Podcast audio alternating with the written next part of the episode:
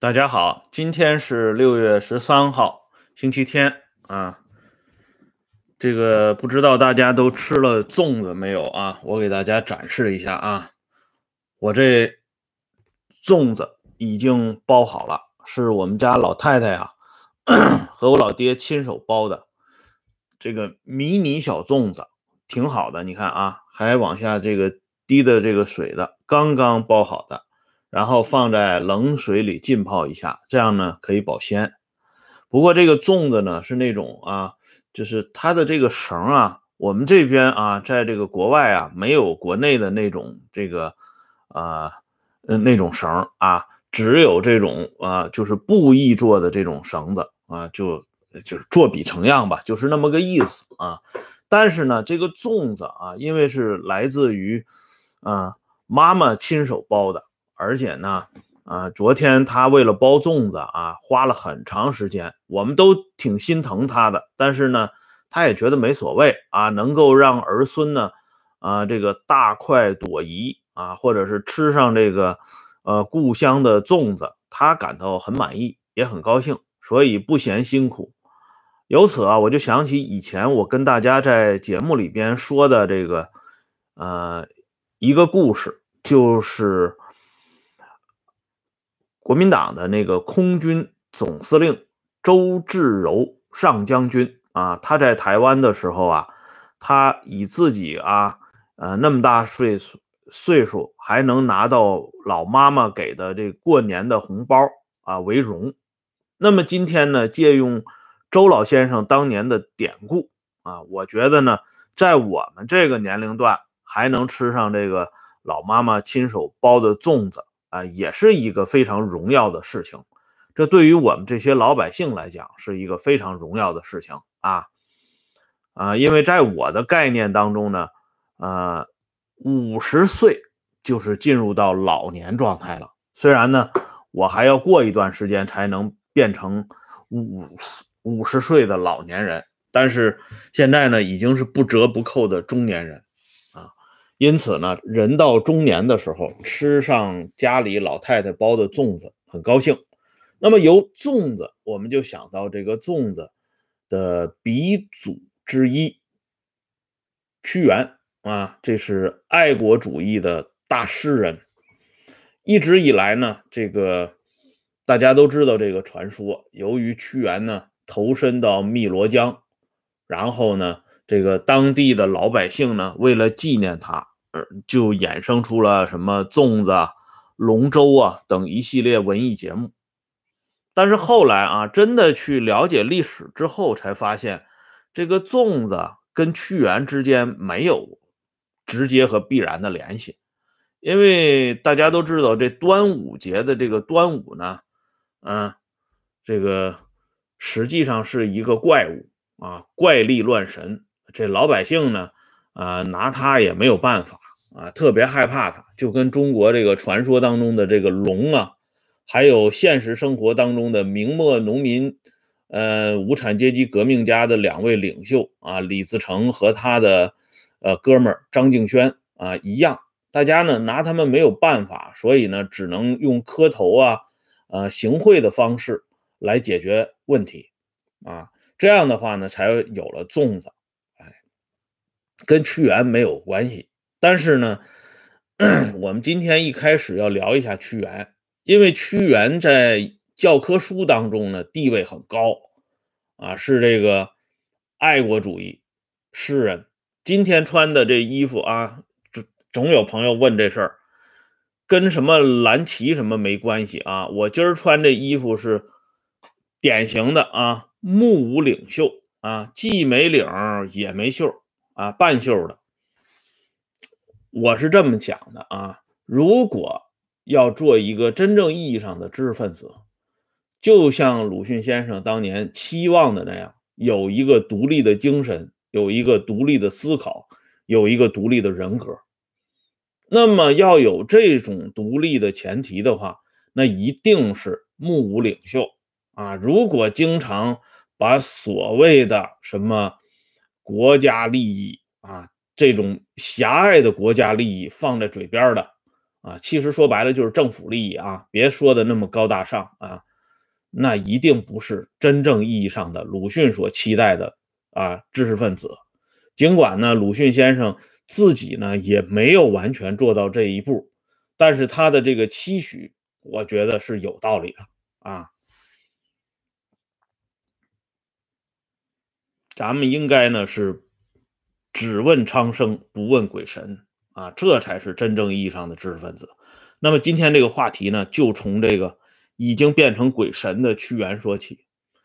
这屈原呢，啊，在鲁迅的心目当中，鲁迅全集的第六卷《切介亭杂文》里边，啊，有一篇文章，从帮忙到扯淡，啊，专门提到屈原。鲁迅先生是这么提到屈原的啊，他说：“屈原是楚辞的开山老祖，却只是不得帮忙的不平啊，离骚啊。”他说：“离骚就是不得帮忙的不平。”所以鲁迅给屈原的定位就是求帮忙而不可得的这么一个人，跟爱国呢。没啥太直接的关系。当然，你要说他那种狭义上的爱国也基本准确，因为屈原毕竟是楚国的贵族啊，人家爱自己的这个呃家天下也没什么奇怪的。问题是呢，人家爱的这个家天下和老百姓理解的那个啊是不一个概念的。但是鲁迅先生呢，他对啊。屈原呢评价还有一个术道啊，就是既有直道也有术道。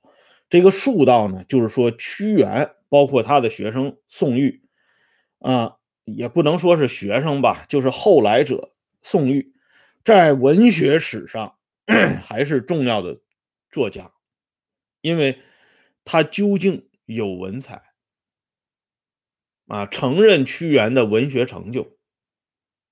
但是却不承认屈原的风骨。昨天在谈到屈原这个话题的时候，有的朋友就说了：“这屈原人家就是爱国啊，你别纠缠啊，他是这个爱楚国呀，还是爱中国？”但是我觉得，如果啊不把这个爱国的东西具体化，只是抽象的来谈上这种精神的爱国，那就比较麻烦了啊。因为这样讲的话，我们可以大而化之的说，我们爱人类，爱世界，那么我们何惧于爱一个中国呢？对吧？所以这个东西呢，我觉得啊，还是要具体的谈。屈原爱的就是楚国，屈原爱的绝不会是后来大一统的秦国，更不会是那个啊。六国比四海一的啊，大秦王朝。那么就此呢，我们就想到啊，最近一段时间有一个大学，嗯，出事了啊。这个之前呢，我跟大家已经聊过，但是今天聊的呢是另外一个人。这个人呢是这所大学里的一个很有名气的大教授。啊，他出自于一个很有名气的中国历史地理学家的门下。这位大教授呢，我们就不直接点名了，人家是大教授，而且是呃部长级待遇，全国政协常委啊，还是什么图书馆的馆长。这个位置听起来比伟大领袖当年还要吓人。伟大领袖当年只是图书馆的助理啊，我们关注的是这个。戴着学者、知识分子帽子的人说的话啊，他是做了一个历史传统与历史智慧的讲座。他说呀，对于历史事实，我们实事求是的研究，但是不是由我们随便应用，怎么应用让国家决定啊？你看看这个学学者很厉害啊，这个学者。他说：“历史事实我们要去研究，但是怎么来反映这个历史事实，或者怎么来叙述这个历史事实，要交给国家。”说的非常直白。他的苦心孤诣呢，已经展露无遗啊。接下来呢，他又说啊，这个历史事实啊，啊，有些公布到什么程度，什么时候公布，全部要考虑国家的利益，其实就是考虑政府的脸面啊。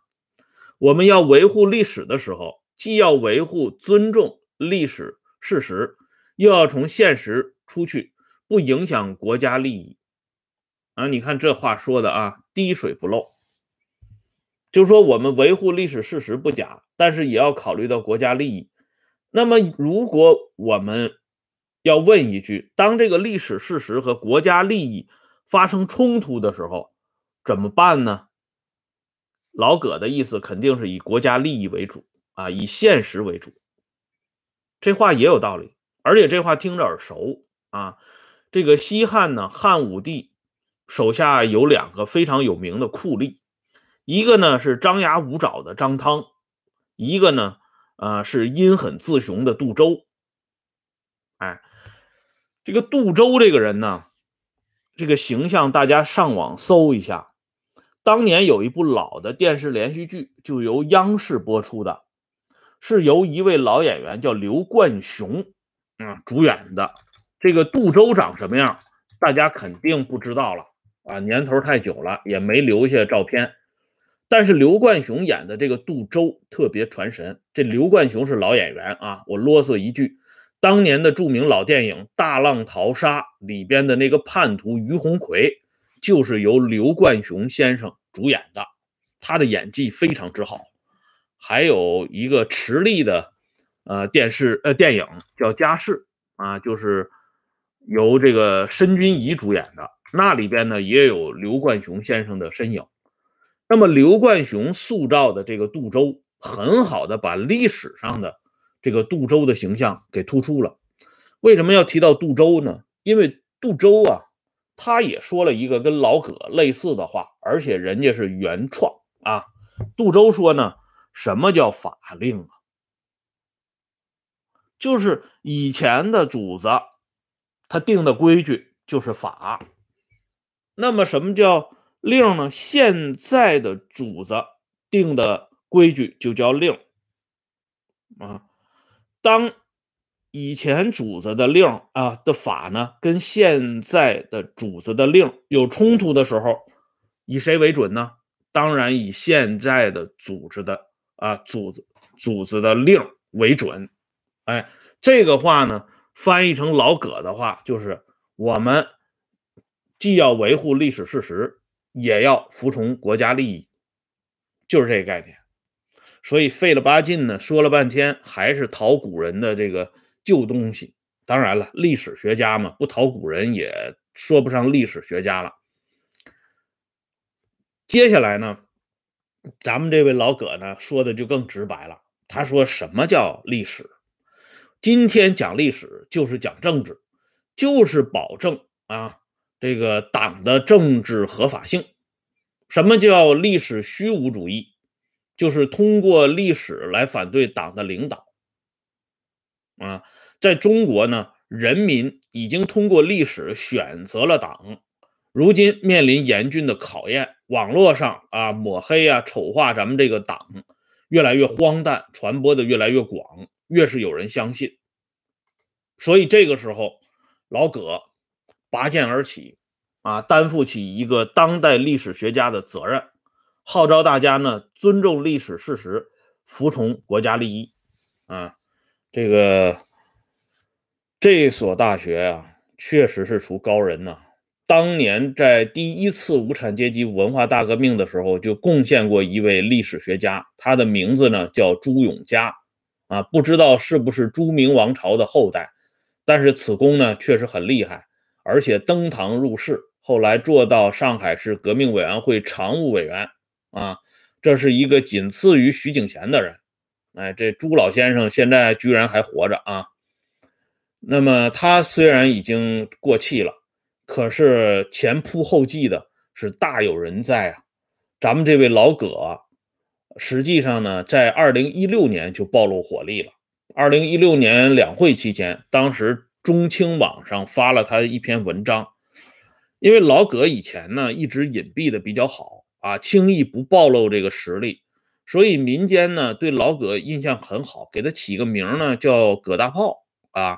这个大炮的名字不是随便赋予的，我们一下子就想到那位任大炮啊，这两门大炮。可是呢，葛老先生呢却不认同他自己的这个外号，他呢说是这么讲的，他说你们抬举我也叫我大炮，但我是不喜欢这样的，什么都极端化，这是不对的。国家给予民众言论自由，但是绝对不给别有用心的人造谣污蔑的自由。有人说我胆子小，我承认，但是我可以发表我的意见。你胆子大，你可以到国外去，到社会上去骂，但是我们是不允许的。任何国家、任何场合都是有自己限度的。宪法保证的言论自由是有前提的，宪法确立了党的领导地位，言论自由当然不能超出这个尺度。这个时候呢？啊，对了，咱们老弟说了，还有个孙大炮啊，这孙大炮跟他们还不一样啊。这个葛老先生呢，说完这话之后呢，这个中青网把这话发到互联网上之后，就引发争论了。大家一看，原来这个葛大炮他不是真正意义上的大炮，或者说这个大炮呢，只轰这个绿油油的一面啊，不轰那个黄乎乎的那一面。啊，就上三旗不能轰，主要是集中力量那些不在旗的啊。于是呢，葛老先生又生气了，说这中青网没有经过他的审阅，就随随便便把他的言论发出去，这就等于暴露了自己的火力。但是这么一暴露也好啊，因为伟大领袖讲过，假的就是假的，伪装必须剥去。嗯，既然你这么维护国家利益，你为什么还嗯这个？遮着盖着呢，所以葛老先生最近的言论呢，就已经，嗯，基本上就是明争眼露了，哎，亮剑了。基本上他已经说了，这个历史就是要维护政治，啊，当代的历史就要维护当代的政治，已经明确指出了。那么历史学家呢，同时又是政治学家，啊，或者叫政治历史。就跟这个政法委一样，政治法律委员会啊，一个概念。那么葛老先生如此的这个力度，著作等身呢，那是有渊源的，是来自于他当年写的一本书《悠悠长水》，他纪念他的老师，他的老师叫什么呢？叫谭其香啊。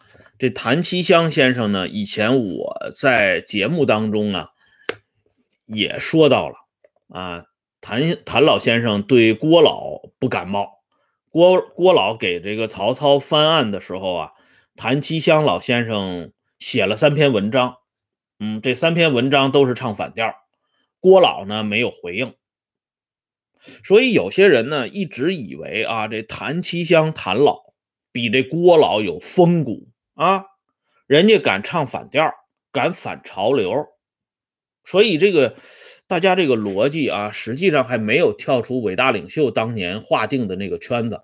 凡是敌人反对的，我们就拥护；凡是敌人拥护的，我们就反对。昨天在聊鲁迅的时候，有的人就说了：“你看，伟大领袖是专门夸过鲁迅的，而且鲁迅在解放以后这个地位相当崇高啊，没有人敢碰他。”那就说明鲁迅跟咱们这个党呢是一伙的啊！如果这样解读鲁迅的话，我觉得你就不用出来丢人了啊，还是应该回家看看书去。而且按照你的这个解读，那咱们谭其香谭老啊，岂不是啊多么的有风骨啊？但是呢，历史的事实不是这样的啊。这这里呢，还是要感谢老葛。老葛给我们介绍了一个谭其香的故事，这是发生在一九五一年。一九五一年四月，华东地区的教育部门呢要求复旦大学啊，他的这个文学院、法学院的这些全体教师和学生下乡参加土改。为什么要参加土改呢？要接受这个再教育啊！你们都是从这旧社会过来的，一脑子都是旧思想。现在已经变成新中国了，你们就要看看新中国到底新在哪里。嗯，于是呢，他们就去啊参加土改了。参加土改之后呢，这个谭七乡他有一个重要的工作，他的这个工作呢是专门启发群众啊产生对地主阶级的仇恨，发动群众呢诉苦，然后在这个基础上成立农会，嗯，由农会带领大家呢这个打打倒地主，分得田地。啊，谭其乡实际上是充当教师爷的这个啊角色，但是这个任务啊不太好完成。这谭其乡呢也是新手啊，参加这个活动之后呢，他发现真是难度挺大的。为什么呢？他说，因为群众最恨的不是地主，是这个农村里的这些二流子、狗腿子。这些人平常啊，这个什么活都不干。啊，这个干啥啥不行，吃啥啥没够，专门祸害乡里，而且呢还设立卡子啊，盘剥老百姓。可是这些人现在一下子成了革命的积极分子，他们要成为新出现的这个农会的领导集体，所以老百姓就特别生气，说这怎么革了命还把这帮二流子都给捧上去了啊？这个时候呢？谭其乡就出动了。谭其乡呢，呃，一方面呢要找这帮二流子，像王秋社这样的啊，这个电影《芙蓉镇》里的王秋社啊；一方面呢要找要找王秋社这样的人谈心，说你呢争取让老百姓认同你；一方面呢他要给群众做工作，说你们不能光看到他以前他是个二流子，他现在要为人民啊发声了。啊，要为人民的利益奋斗了，那他就不再是二流子，而是一个积极的革命者。大家想一想啊，以前我就说过这种话：这个人呢，他要是被动的去执行这个任务，和他主动的去执行这个任务，绝不是一个概念。首先，他自己的思想要通，他自己的思想要不通，他去做别人的工作。所谓以己昏昏，使人昭昭，这是不可能的，而且效果也是不达标的。那么谭七香的工作呢，做的是让上边是很满意的。所以呢，咱们的谭老首先把自己的思想就已经打通了。他把他的思想打通之后呢，他学上老葛的思想，自然而然也就通了。而且呢。这个还要感谢老葛啊，他这是两本啊，这谭其乡的传记是上下两册，在下册里边呢还有一段故事，就到了一九八零年七月一号，在我们伟大的党啊成立五十九周年之际，作为啊复旦大学历史系的老主任谭其乡啊向党呢递交了入党申请书。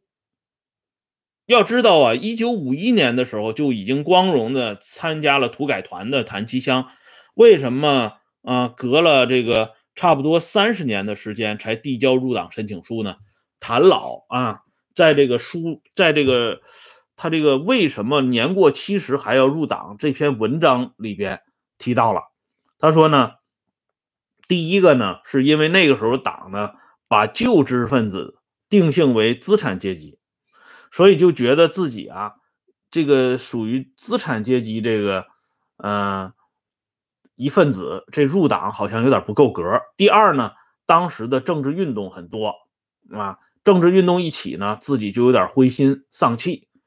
嗯，第三呢，呃，作为一个史学工作者，呃，讲历史不能违反历史事实，但长期以来受所的影响。经常把学术和政治混为一谈，啊，按现实政治来讲历史，有时不惜歪曲篡改历史事实，呃，使这个谭其乡对入党多了一层顾虑。要说这谭老呢，比这个老葛啊，他这个思维呢还要朴素一点，人家毕竟还承认自己篡改历史事实，不像老葛嘴这么硬啊，什么历史事实都要服从国家利益啊。我们这个老弟说的很好啊，他说复旦的文史学者的标杆就是张春桥和姚文元，啊，他说的是文革时期，现在不知道了，现在我们也不知道啊。从这个谭其骧谈自己不能入党的三个理由，我们就可以看出，其实归根一点就是当年入党呢风险比较大。到了一九八零年以后呢，看出来这国家呢也折腾累了啊，短时期内呢不会呃贸然发动第二次无产阶级文化大革命。于是呢，谭老就决定入党了。这个时候不仅入党安全，还光荣啊。党这个时候也需要他们来装点门面，所以你看啊，这个谭老和老葛呢，这都一脉相承的。谭老和老葛呀，我是啊，嗯，无缘相见的啊，这都是这个泰山北斗一样的人物，咱们见不着，老百姓自然是见不着。但是呢，我见过老葛的学生啊，十多年前跟老葛的学生就打过交道，这老葛的学生也很出息啊，不负失望。如今据说也是这所大学里的博士生导师，而且也经常啊发表一些这个呃鼓吹汉武帝的啊，鼓吹丝绸之路的，反正就是都是这一套啊，为了国家利益呃不用考虑历史事实的这种啊，所以呢，从这个老葛的学生当中呢，我也能够看到老葛能说出这番话一点都不奇怪。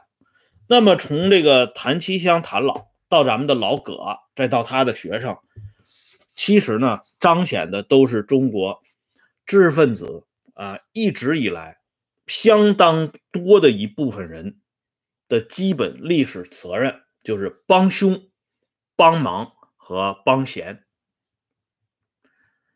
帮凶呢，刚才老弟已经说了，张春桥、姚文元就是最典型的例子，这个真的是帮凶了。啊，如果再说什么柯庆施柯老、康生康老、周扬夏衍，这都是帮凶。你看周扬这个人整人，他没有底线的啊，他自己呢也没啥底线啊。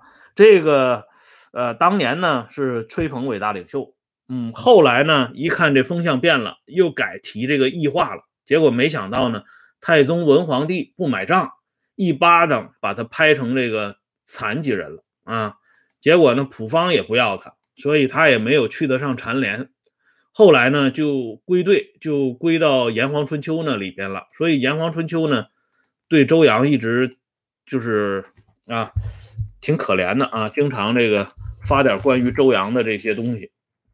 但是这也啊，脱离不了周扬文化鹰犬的本色。鲁迅当年对周扬的定义是非常准确的，就是帮凶啊。那么还有一路呢，就是帮忙。谁是帮忙的呢？老葛就是帮忙的啊。老葛呢，位置也有了啊，这个权力也有了啊。老葛自己都说过，在高校呢，老师普遍愿意当官，当官有这个荣誉感啊。其实说白了是有这个权利，有钱捞，还可以包票子啊，这才是最主要的。嗯，那么他的帮忙就很直接了。啊，他这是属于学得这个啊一身的本事，然后呢祸与帝王家，就这么简单啊。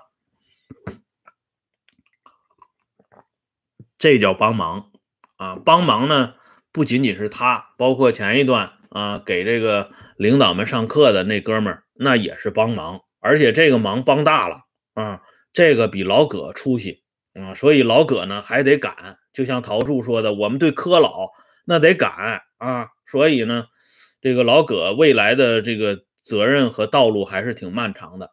那么接下来呢，就还有一路，他叫帮闲。哎，什么叫帮闲呢？这鲁迅先生啊，当初在书里边他说过，这个帮闲啊，就是全门的清客，要下几盘棋，写一笔字，画个画啊。懂得差权行令啊，懂得古董啊，在这个权贵们高兴的时候，讲风雅的时候，帮闲就出现了。这个呢是古代的帮闲啊，这个而且呢，古代的帮闲就明清两代的帮闲，明朝的陈继儒啊，清朝的袁枚，这都是帮闲文人。但是这些文人，人家是真有水平。也真有底线啊。有些事儿人家是不干的。你像袁枚留在今天啊，他的诗文是非常漂亮的，他的烹烹饪技术也是非常高超的。唯一的负面就是跟女学生呢有一点不清不楚的关系，这个其实都可以理解啊。女博士呢都已经回乡创业了，就更不要说这个几百年前的大清朝了。那么明朝的陈继儒呢，这个北京大学有个教授啊，挺有名，叫陈平原。陈平原先生呢写过一本书，里边专门介绍过陈继儒。他的观点就是陈继儒第一个呢，他是真隐士。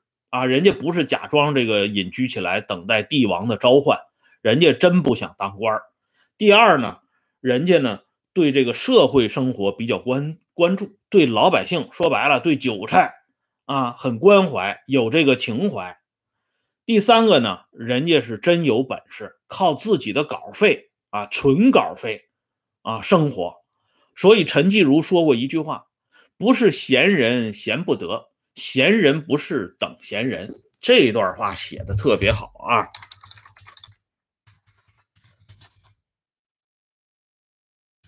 我给大家打上啊，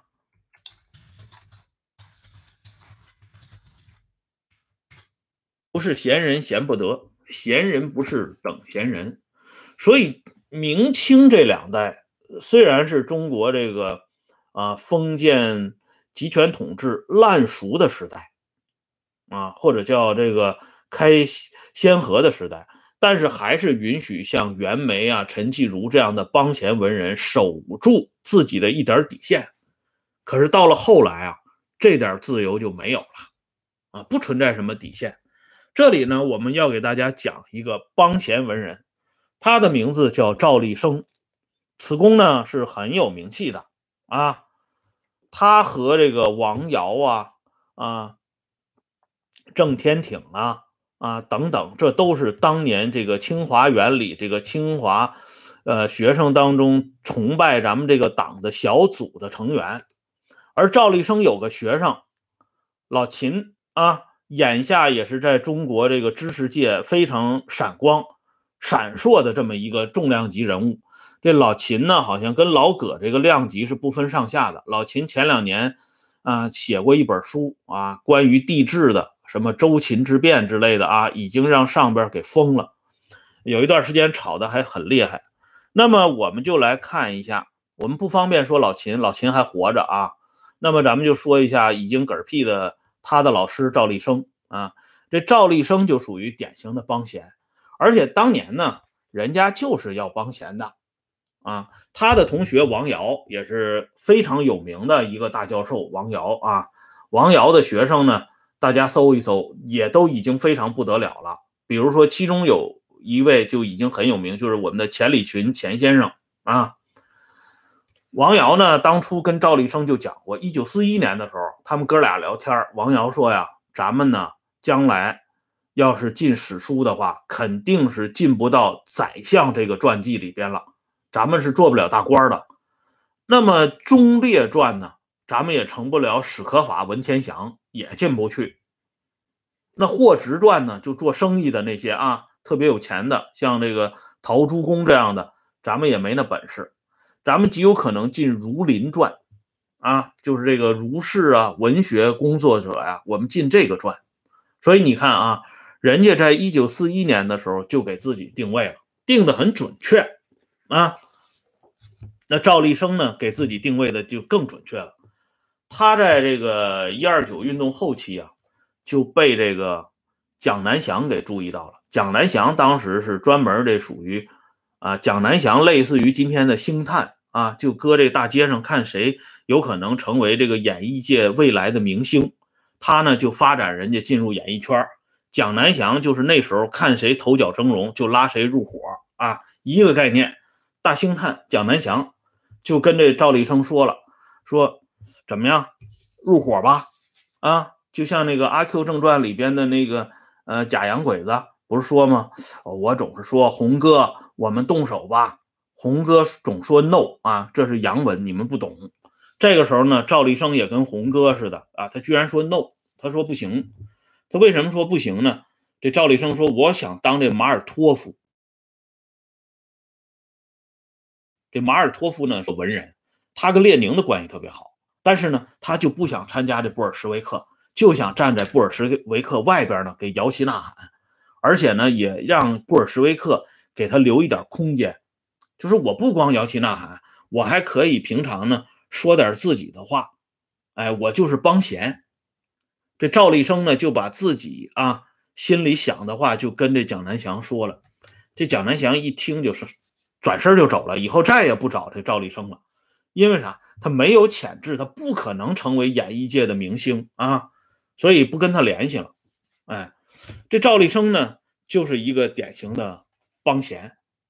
而赵立生晚年呢，拿的这本书啊，赵立生晚年自己的回忆录啊，赵立生晚年呢，作为一个历史学家啊，咱们说啊，这。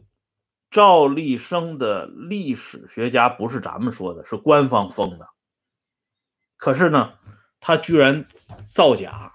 他在一九八七年去美国啊，他的日记里边编造了一段他和杨连生的通话记录。这杨连生也是清华大学的啊，比这个赵立生呢大三岁，是赵立生的前辈啊，学长吧，就这么说。然后呢，这赵立生为了表明自己如何爱国，就编造了他和杨连生之间的这个电话的通话的内容。然后呢，他是如何训斥这杨连生的？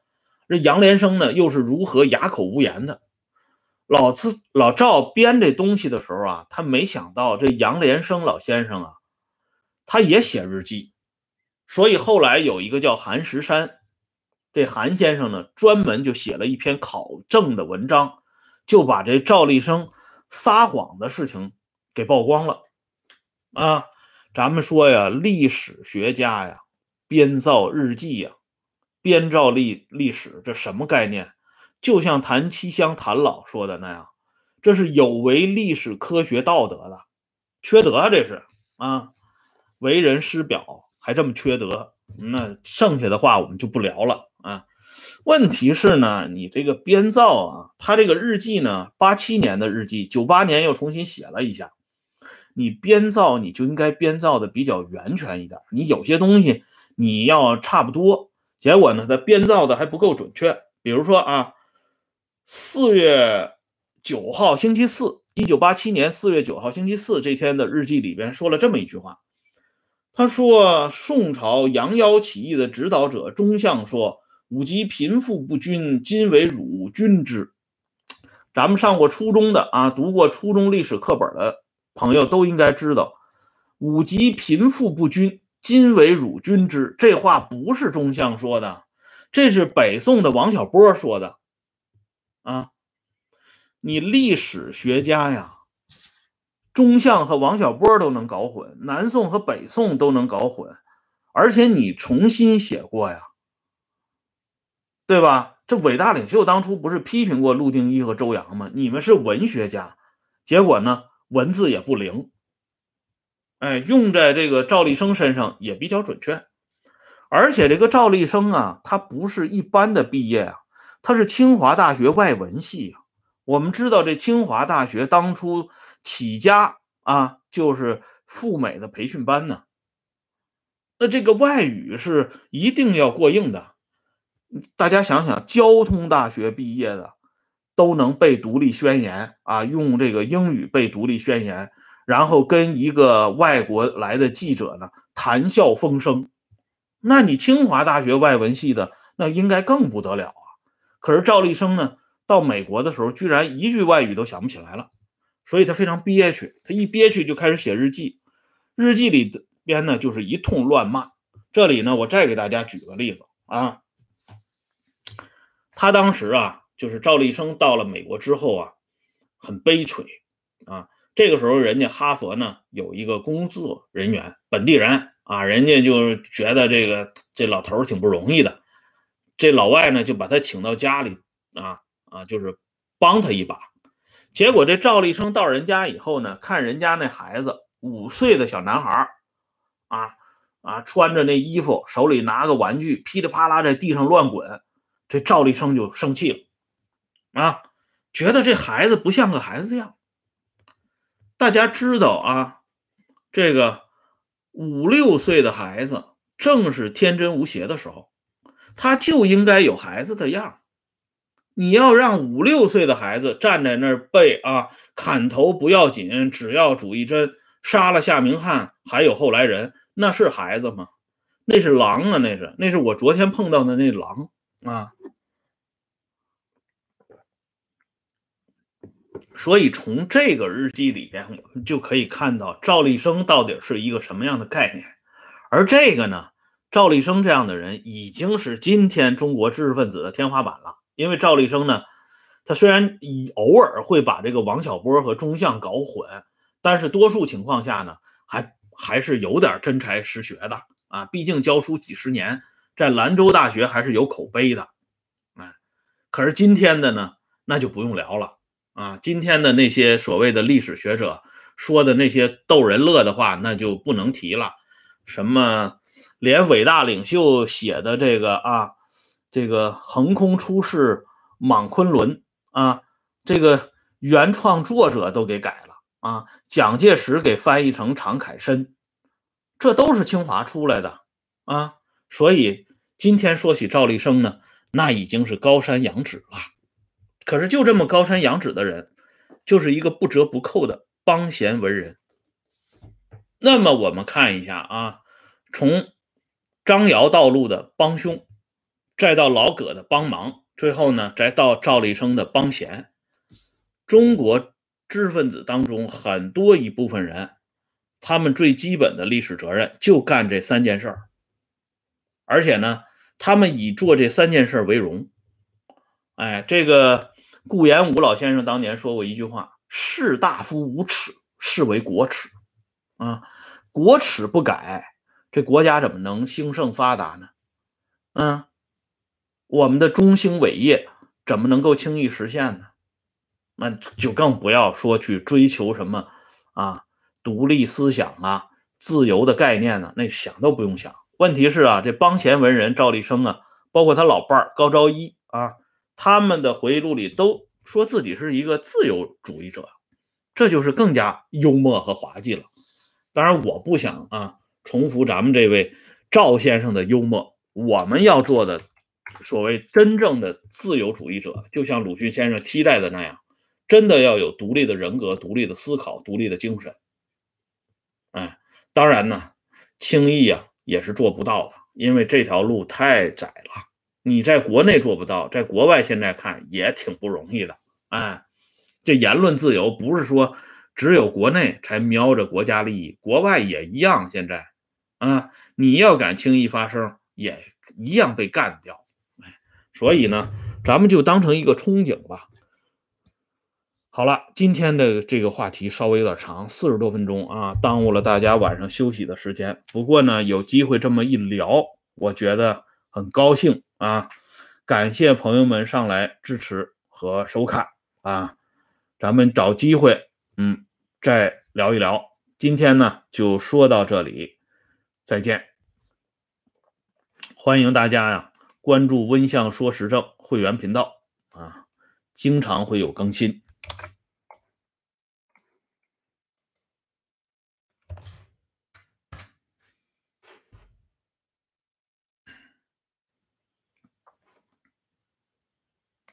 嗯，明年我准备啊更新一下这个粽子，因为我觉得这个粽叶子这个东西啊，这国产的粽叶子有点可疑啊，就有点像这个赵立生赵老先生和谭其香谭老先生以及咱们老葛一样啊，就是这个呃充满了这个盐碱地的气味，嗯，所以呢，我准备进行一下改良。啊，到时候呢，我会跟大家呢，呃，交流一下改良的经验。如果咱们愿意互相学习的话呢，咱们可以一起来改良一下这个粽子啊。好了，不聊了，再见。